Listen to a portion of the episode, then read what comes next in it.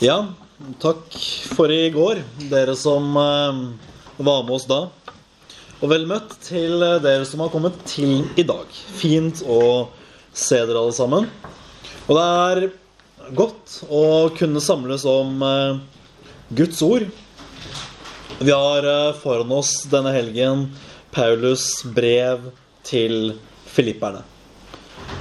I går så mm, tok vi for oss en del av det andre kapittelet, fra vers 5 og et uh, lite stykke utover.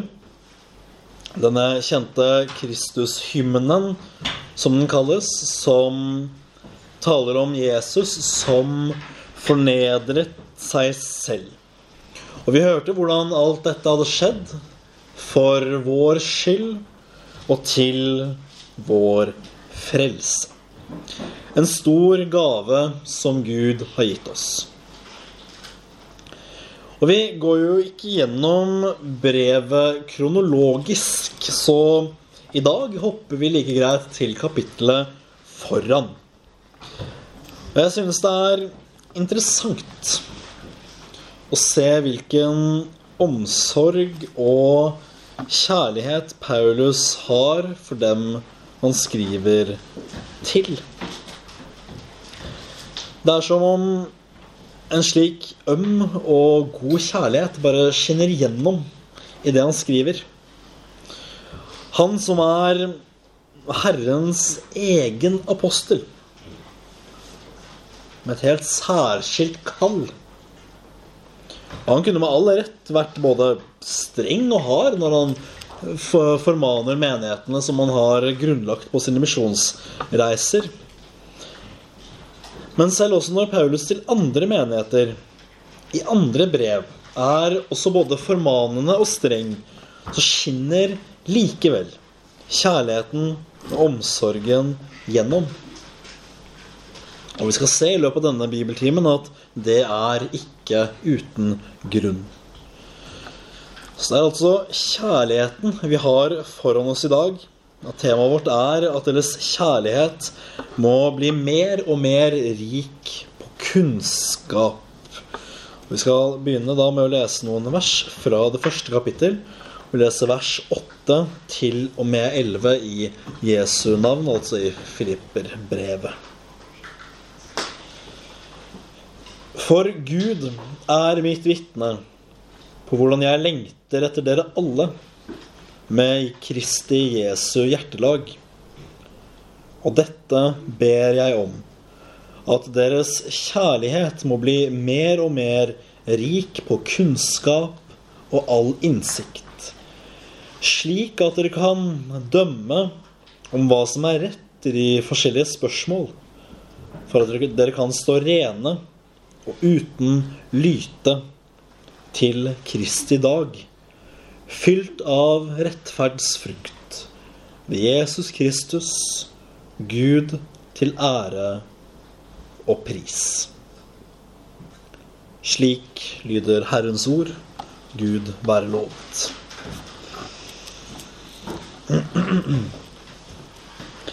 At deres kjærlighet må bli mer og mer rik på kunnskap og innsikt. Denne setningen er den jeg kanskje fremfor alle andre setninger i hele Filipperbrevet festet meg ved. Hva er det Paulus mener her? Hva er det han sikter til? For å kunne svare på det tenker jeg at jeg først må si noe om hva kjærlighet er. Og også naturligvis hva det ikke er. Når Paulus taler om kjærlighet, da tenker han ikke på kjærlighet i den moderne forstand.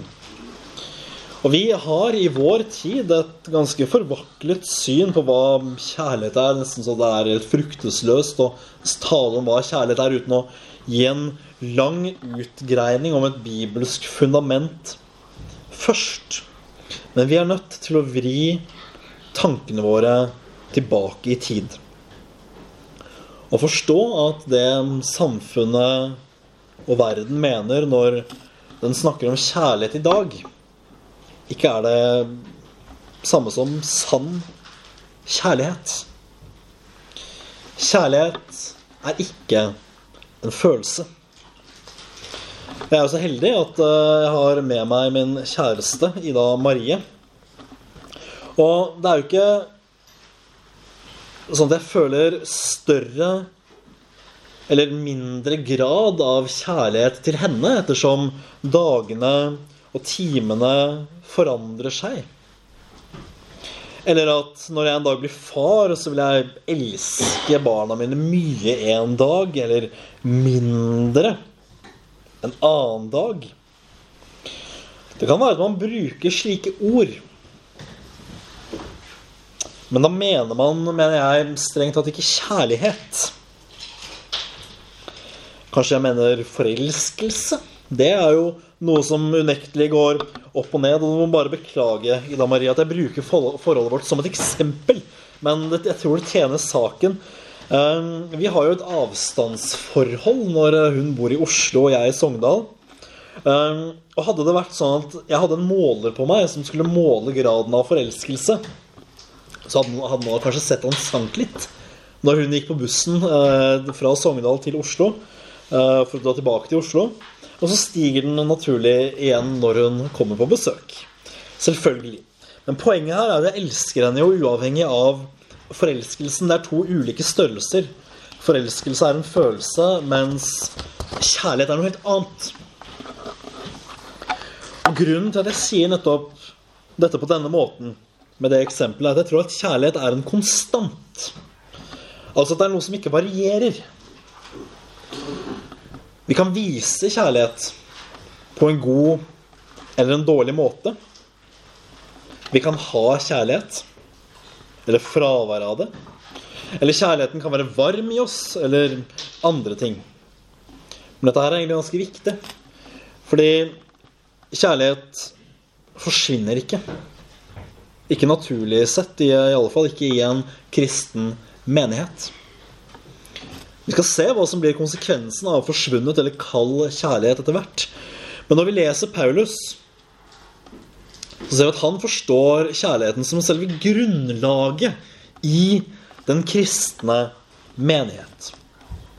Kjærligheten til Kristus og kjærligheten til hverandre. Kjærlighet ikke som gode og fine romantiske følelser men som en aktiv handling. Et sinnelag mot den andre. Da vi alltid setter den andre høyere enn oss selv. Det skrives i kapittel 2 vers 3, hvor det står Gjør ikke noe av ærgjerrighet eller av lyst til tom ære, men akt hverandre i ydmykhet høyere enn dere selv. Ingen må bare se på sitt eget, men enhver må også ha de andres gagn for øye. Slik forstår Paulus det, at dette her er grunnlaget i den kristne menighet. Ingen kjærlighet, ingen menighet. Når Paulus skriver, så er det ikke tilfeldig hva han skriver. Paulus satt ikke og dikta. Nei, ordene er velvalgte og inspirerte av Den hellige ånd. De reflekterer en sannhet og et ideal for hvordan ting skal være. Da er det også av betydning hvilken stilling ordene står. For når vi har dette kjerneverset foran oss, dette vers Det som var vers 9 i det første kapittelet, at deres kjærlighet må bli mer og mer rik på kunnskap og innsikt. Skriver ikke Paulus at hans ønske og bønn er at vår sannhet, vår lære eller vår dogmatikk skal bli varmere og rikere på kjærlighet? Nei. Han skriver at han ber om at vår kjærlighet skal bli rikere på kunnskap og innsikt. Det betyr at dersom du har kjærlighet uten kunnskap og innsikt, da har du en vei å gå for å nå til hele sannheten, slik som mange av de første kristne som vi kan lese om i bl.a. apostlenes gjerninger hadde. Men dersom du har all sannhet, både innsikt og kunnskap, og mangler kjærlighet, tror jeg ikke Paul i dom vil være særlig nådig. Han forutsetter ganske enkelt at kjærlighet er det sinnelag som preger den menigheten han har grunnlagt. Paulus han forstår ikke noe annet enn at de skal elske hverandre. Fordi det er det Herrens disipler skal gjøre.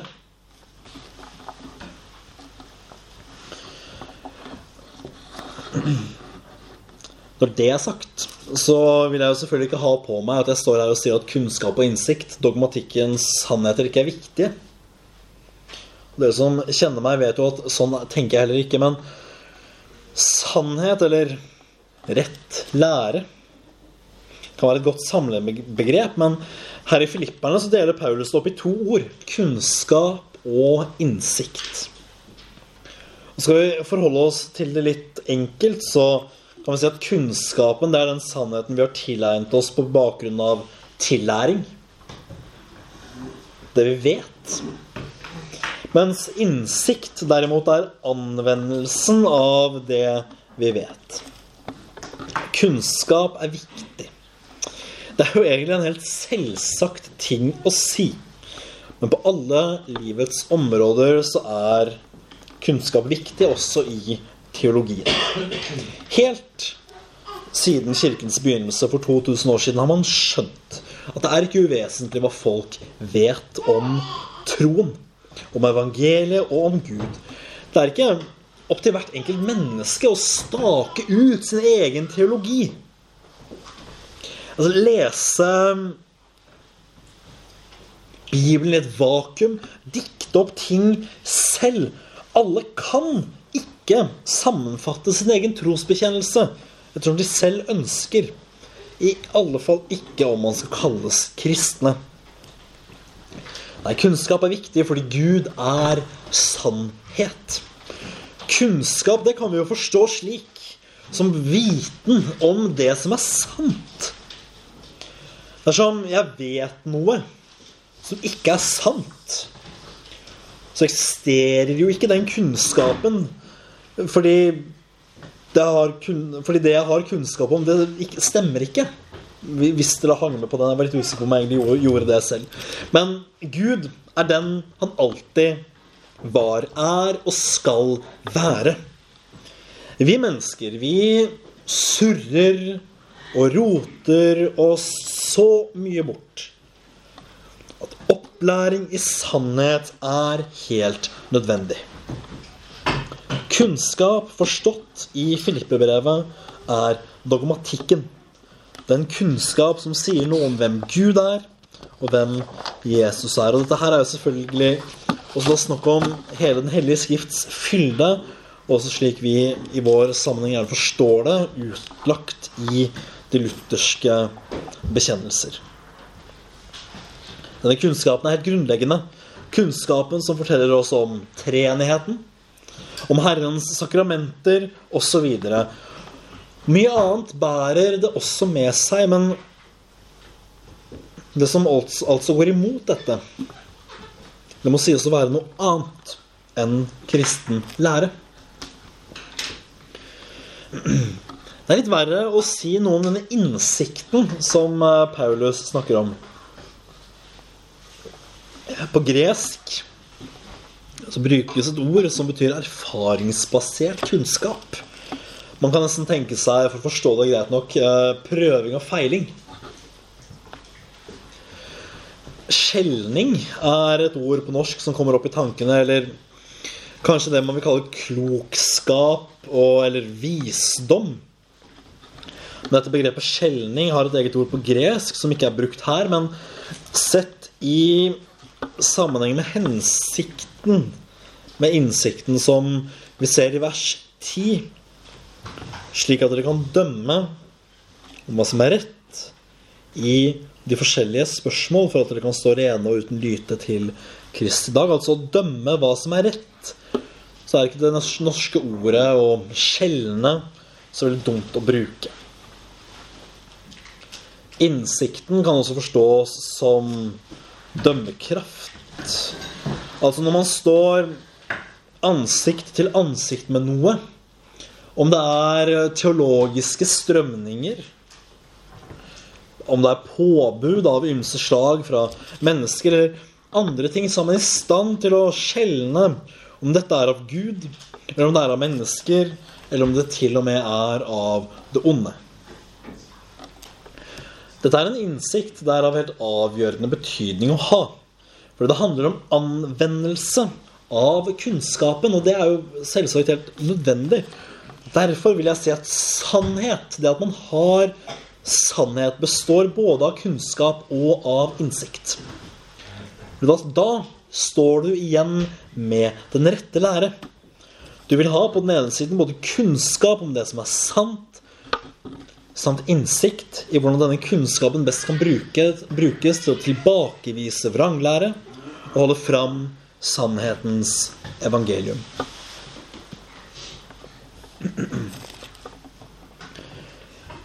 Vi får gå litt videre og se på hvorfor Paulus holder fram viktigheten av at kjærligheten preges av kunnskap og innsikt. For det første, hva skjer hvis man har en kristen kjærlighet uten innsikt? Da vil vi kanskje være varme og velmenende kristne. Men vi vil ganske raskt vike av fra den veien Jesus vil vi skal gå, og vi vil ramle i grøfta. For kjærlighet er ikke til for å gi tillatelse til alt. Det er jo nesten slik verden forstår i dag, at alt skal være lov. I kjærlighetens navn. I kjærlighetens navn så er alt lov. Og Jesu evangelium sies det også er jo et nestekjærlighetsevangelium, så evangeliet tillater jo alt. Og dette er en misforståelse, og det bærer uheldigvis fullstendig galt av sted. Kjærligheten trenger rammer. Kjærligheten er helt avhengig av rammer, og det har, takk og lov, Gud gitt oss. Problemet er jo det at kjærlighet uten kunnskap og innsikt det står i fare for å miste dyrebare sannheter. Dersom vi i frykt for å virke harde sier til folk at det de driver med, ikke er synd, ja, hva da? Da stenger vi jo veien til evangeliet for dem. Under dekke av kjærlighet så forteller vi dem det som ikke er sant. Vi forteller dem da heller ikke det dyreste vi eier. At syndenes forlatelse er tilgjengelig for dem som vil vende om. Jeg forstår det ikke på noen annen måte enn at dette her er en dåres og en tullings kjærlighet. Totalt misforstått. Fordi sann kjærlighet leste vi eh, fra brevet Hva er? Den som alltid søker å løfte opp den andre og sette ham først. Og det innebærer faktisk også noen ganger å si det som er ubehagelig, men sant. Kjærlighet lyver ikke. Det er alvorlig å ha kjærlighet uten kunnskap og innsikt. Vi vil vingle hit og dit. Om enn velmenende, så er en velmenende vranglærer fremdeles en vranglærer. Men kunnskapen den kan økes. Innsikten, den kan vokse. Og Det ser vi flere eksempler på i Bibelen. Det som er virkelig, virkelig alvorlig, det er hvis vi mister kjærligheten. Jeg sa, jeg sa det i sted at Paulus han forstår ikke noe av en kristen menighet uten at den har kjærlighet som sitt grunnlag. Skal vi se litt nærmere på det. Og hvor høyt Paulus holder kjærligheten. Det ser vi bl.a. i første Korinterbrev, kapittel 13. Og den salmen vi, vi, sang til innledning, det var jo en, nesten en fantastisk utlegning av dette her. Det Paulus gjør, at han lister opp mange gode, flotte ting. Og han sier at hvis han ikke har kjærlighet, så blir alt regnet for intet. Så kan man jo spørre seg hvor kommer denne høye tanken om kjærlighet fra? Jeg forstår det bare sånn at den kommer fra Jesus selv. For den kristne lever som vi vet, ikke lenger for seg selv. Kristus lever i oss. Vi er lemmer på hans legeme, i kirken. Ja, vi er i kraft av vår dåp podet inn på hans stamme. Og vi har fått denne enorme, store nåde som vi hørte om i går. At han steg ned fra himmelen for vår skyld. Fra sin høye verdighet i himmelen så steg han ned. For vår skyld. Og han løftet i tur oss opp til seg og gav oss nåde, syndenes forlatelse og evig liv. Han har kjøpt oss og gjort oss til sine egne. Han har frelst oss og han har satt oss inn i sin kirke. Og så skulle vi hate hverandre. Man kan jo spørre seg hvordan vi våger. Å hate sin kristne bror eller søster kan nesten sammenlignes med å hate Kristus. Og Dette er alvorlige ord, men jeg vil mene at jeg har Paulus sin støtte for dem. For det er grunnleggende kristologisk å forstå hvorfor vi skal elske hverandre. Hvorfor Paulus forstår at dette er grunnlaget til menigheten på en sånn måte at han bare antar og forventer at det er kjærlighet som preger forsamlingen i Filippi. Dersom vi har den samme tro og bekjennelse, skulle vi vokte oss vel for å la kjærligheten kjøle hos oss. Hva skjer hvis et ekteskap blir kjærlighetsløst? Da står det i fare for å opphøre å være et ekteskap. Hva skjer dersom kjærligheten kjølner i en kristen menighet? Da står man også utvilsomt i fare for å opphøre å være en menighet. Så når dere da hører, er det ikke mm, uvesentlig hvordan vi behandler hverandre. Og jeg tenker det at Som en kristen menighet er det viktig og nødvendig å alltid evaluere oss selv. Vi ransaker oss og spør hvordan står det til med kjærligheten. Og målestokken vi kan bruke, den finner vi også her. Den står i vers 3 og 4 av kapittel 2, som jeg allerede har lest.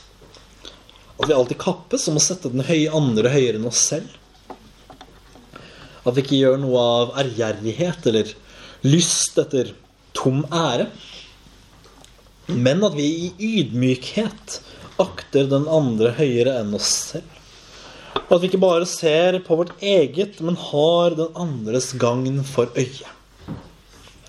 Vi som er Kristi hellige, Hans menighet, elsker vi hverandre med denne kjærligheten. Er det denne kjærlighet og sinnelag som preger menighetene våre? Jeg håper det. Det er iallfall slik det burde være. Altfor ofte så ser vi at i Herrens kirke at det er det motsatte som skjer. Dersom vi er grener på den samme stamme, hva har vi da med å prøve å klatre høyere og trykke de andre grenene ned? Nei, vi skulle skamme oss over slik atferd og heller søke å hjelpe den andre å komme høyere. En kristen menighet skulle aldri, aldri være bekjent med maktkamp og strid i sitt indre. Men hva da med vranglære? Mm, dette er et spørsmål som ofte kommer opp. Men dette må sies tydelig. Befalingen om å elske hverandre faller ikke bort bare fordi noen lærer vrangt. Og Dette er helt åpenbart frustrerende. Det vet jeg veldig godt av personlig erfaring. Men vi må holde fast på at å ha den rette læren og tilbake, tilbakevise vranglære, det er ingen unnskyldning for å være slem. En vranglærer skal i mildhet og ro vises til rette med det sanne evangelium. For hva er målet med å tilrettevise vranglærere? Er det å ha rett? Er det å vise seg som en sann forkjemper for evangeliet, for å høste ære av mennesker. Ja, sånn kan man kanskje tenke. Eller i alle fall handle som om det var det man tenkte. Men er målet med å vise en vranglærer til rette jo vranglærerens omvendelse? Og det har jeg måttet lære etter hvert, at man skal vokte seg da vel for å te seg på en måte som gjør at man forherder vedkommende. Om Gud velger å forherde, ja, da er det lite vi kan gjøre. Men vår jobb er verken å være dommer eller bøddel, men kun forkynne det sanne evangelium og vise, det, vise den som lærer vrangt hvorfor, og advare mot konsekvensene. Verken mer eller mindre. Men vi må i alt, mot alle vi møter, holde fast på både mildheten og kjærligheten, slik Luther lærer oss. Kan en vranglærer i dag være en omvendt broder i morgen? Så ser vi altså her at hvordan vi som kristne behandler hverandre, er viktig. Vi må aldri la kjærligheten kjøle ned, for da går det oss galt. Vi risikerer faktisk å opphøre å være menighet. Det må vi være redd for, og det må vi frykte. Men dersom vi holder fast på søskenkjærligheten, ja, dersom vi holder fast på den og kjærligheten til Jesus, da vil det gå oss i menigheten godt. Og vi kan iallfall regne med at vi skal se fruktene av det. Så går vi tilbake til teksten til vers 10 i det første kapittelet. Her viser Paulus oss hva som er hensikten med alt dette. For det er så viktig for ham at kjærligheten blir mer og mer rik på kunnskap og all innsikt. Så dere kan dømme hva som er rett i forskjellige spørsmål. Denne dømmekraften, selv om vi i oss selv ikke skal være dommere, så må vi ha denne dømmekraften. For den er nødvendig, men den kommer ikke av seg selv, nei. Den kommer som en konsekvens av det som ligger bak. Når kjærlighet, kunnskap og innsikt forenes i en menighet eller i et menneske og får prege det, først da blir vi i stand til å dømme om hva som er rett i de forskjellige spørsmål. Dette sier Paulus oss fordi han vet, som også Jesus visste, at haugevis av menneskelære og annet ville forsøke å snike seg inn i kirken.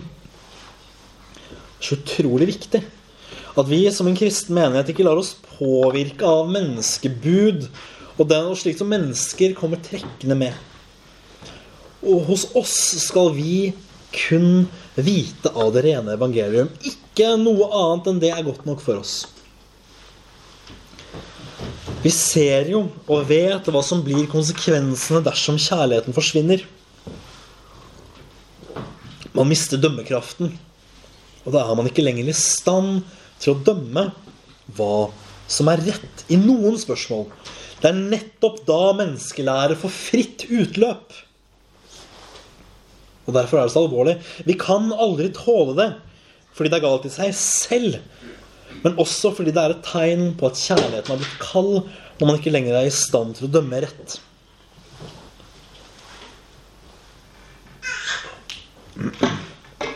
Dersom en menighet er preget av dette, av ting som dekker til evangeliet, da er det et godt symptom på at kjærligheten er kjølnet.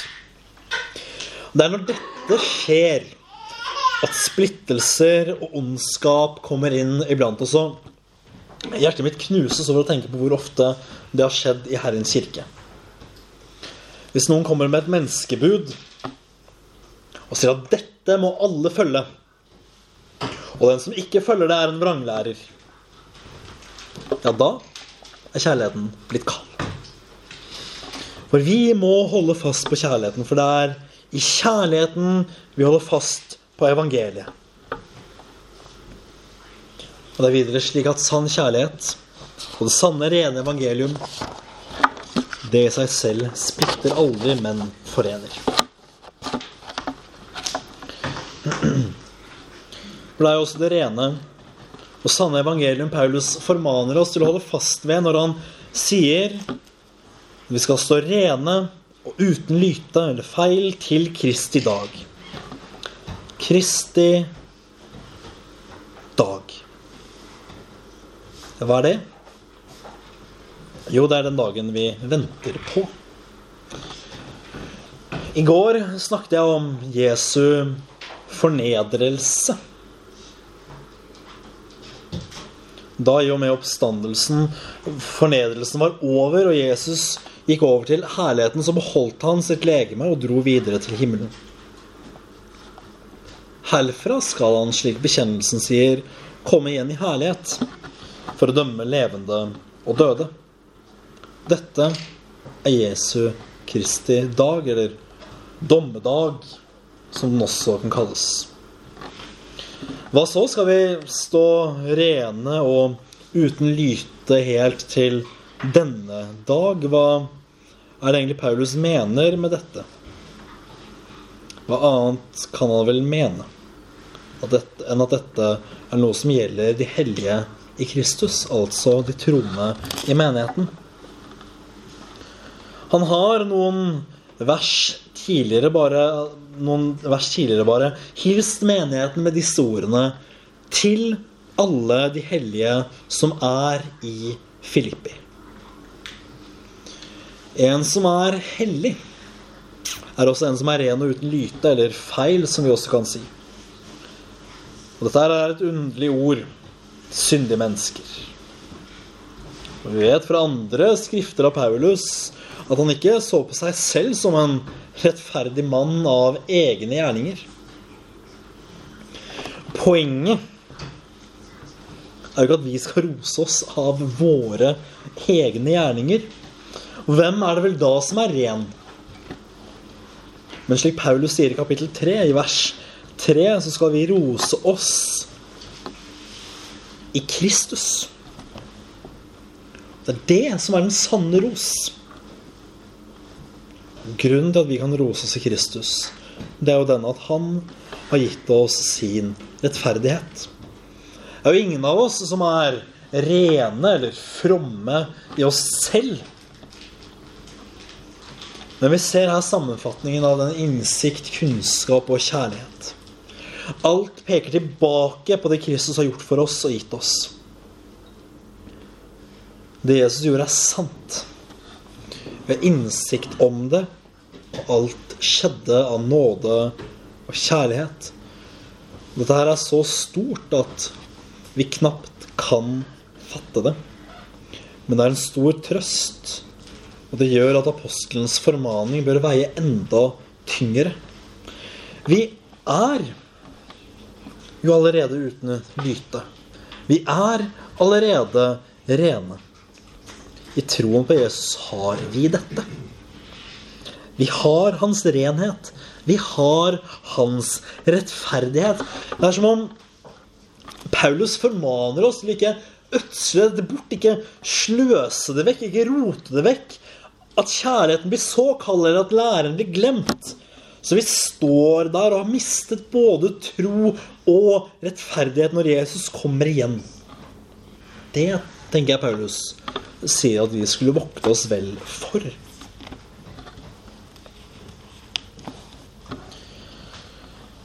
For jeg tror at en kald kjærlighet i menigheten er vår tids største utfordring.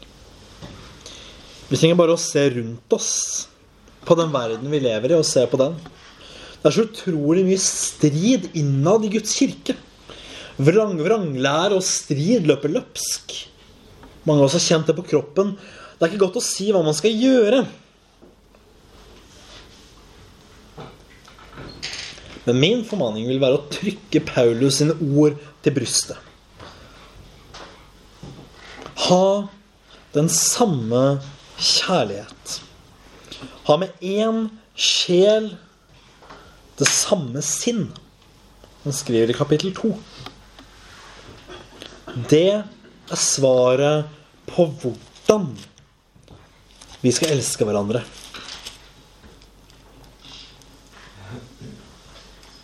Er det da noen trøst i Kristus? Er det noen oppmuntring i kjærligheten? Er det noe samfunn i ånden? Finnes det noen medfølelse og barmhjertighet? Da gjør min glede fullkommen, så dere har det samme sinn og den samme kjærlighet. Ja, med én sjel det ene sinn. Og så er det vers 3 og 4 som følger. Um, som jeg leste i sted. Gjør ikke noe av ærgjerrighet eller har lyst til tom ære osv. Dette er svaret på hvordan vi skal elske hverandre. Det er jo også interessant å merke seg hvordan Paulus taler om dette tidligere i kapittel 1, i vers eh, skal vi se, 27. Se bare til at dere lever et liv som er Kristi evangelium verdig. Her ser vi hvorfor det er så viktig at vi holder oss sammen. Vi har ikke råd og tid til å splittes over småsaker. Vi som har den samme tro og den samme bekjennelse, ja, vi som egentlig er overbevist om at vi deler den samme kunnskap og innsikt. Vi må stå sammen i kjærlighet og ikke la oss rive i stykker av splittelsens og konfliktens vind. Vi må stå fast i én ånd med én tro. Stående fast i denne ene ånden og ene troen må vi kjempe for evangeliet, for Guds ords sannhet. Det er egentlig unødvendig å fortelle dere det her. Evangeliet angripes fra mange kanter i våre dager. Fra alle kanter. Innad i Den norske kirke er det dårlig kår. Den liberale teologi herjer, og ikke bare i Den norske kirke med sine løgner. Nei, Min observasjon er at få er de kirkene som går fra minste liten påvirkning av de som prøver å så splid og tvil om hvorvidt Den hellige bibel er Guds ord.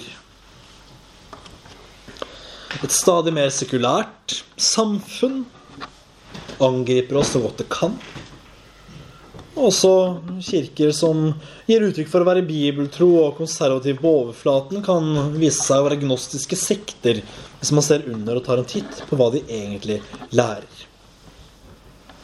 Da er det lett å bli motløs, så dette forstår jeg godt. Men nettopp på bakgrunn av dette må vi stå fast i kjærligheten. Paulus, han maner oss til kamp. Og han minner oss også i Filippe-brevet, om at vi ikke skal la oss skremme av motstandere. Nei, for våre motstandere så er alt det som skjer, til fortapelse, sier han, og til advarsel. For den som ikke rent og uforfalsket tar vare på evangeliet og trofast overleverer det, kan heller ikke håpe på frelsen. Da blir det et varsel om fortapelse. Men eh, hva skal vi så med menneskelig kamp og strid? Skal vi da verge oss? Nei, vi skal bare heller kjempe for evangeliets sannhet. Da blir det, som Paulus sier, oss til et varsel om frelse fra Gud. Vi lar i siste del av første kapittel i Filippe-brevet, hvis dere vil følge med der. Det blir oss til et varsel om frelse fra Gud. Jeg var litt innom dette her i går også, når jeg pratet om vår fornedrelse, og at også vi skal lide. Her sier Paulus det rett ut. At ikke bare har vi fått nåde til å tro på Kristus, men også å lide for ham. Interessant nok.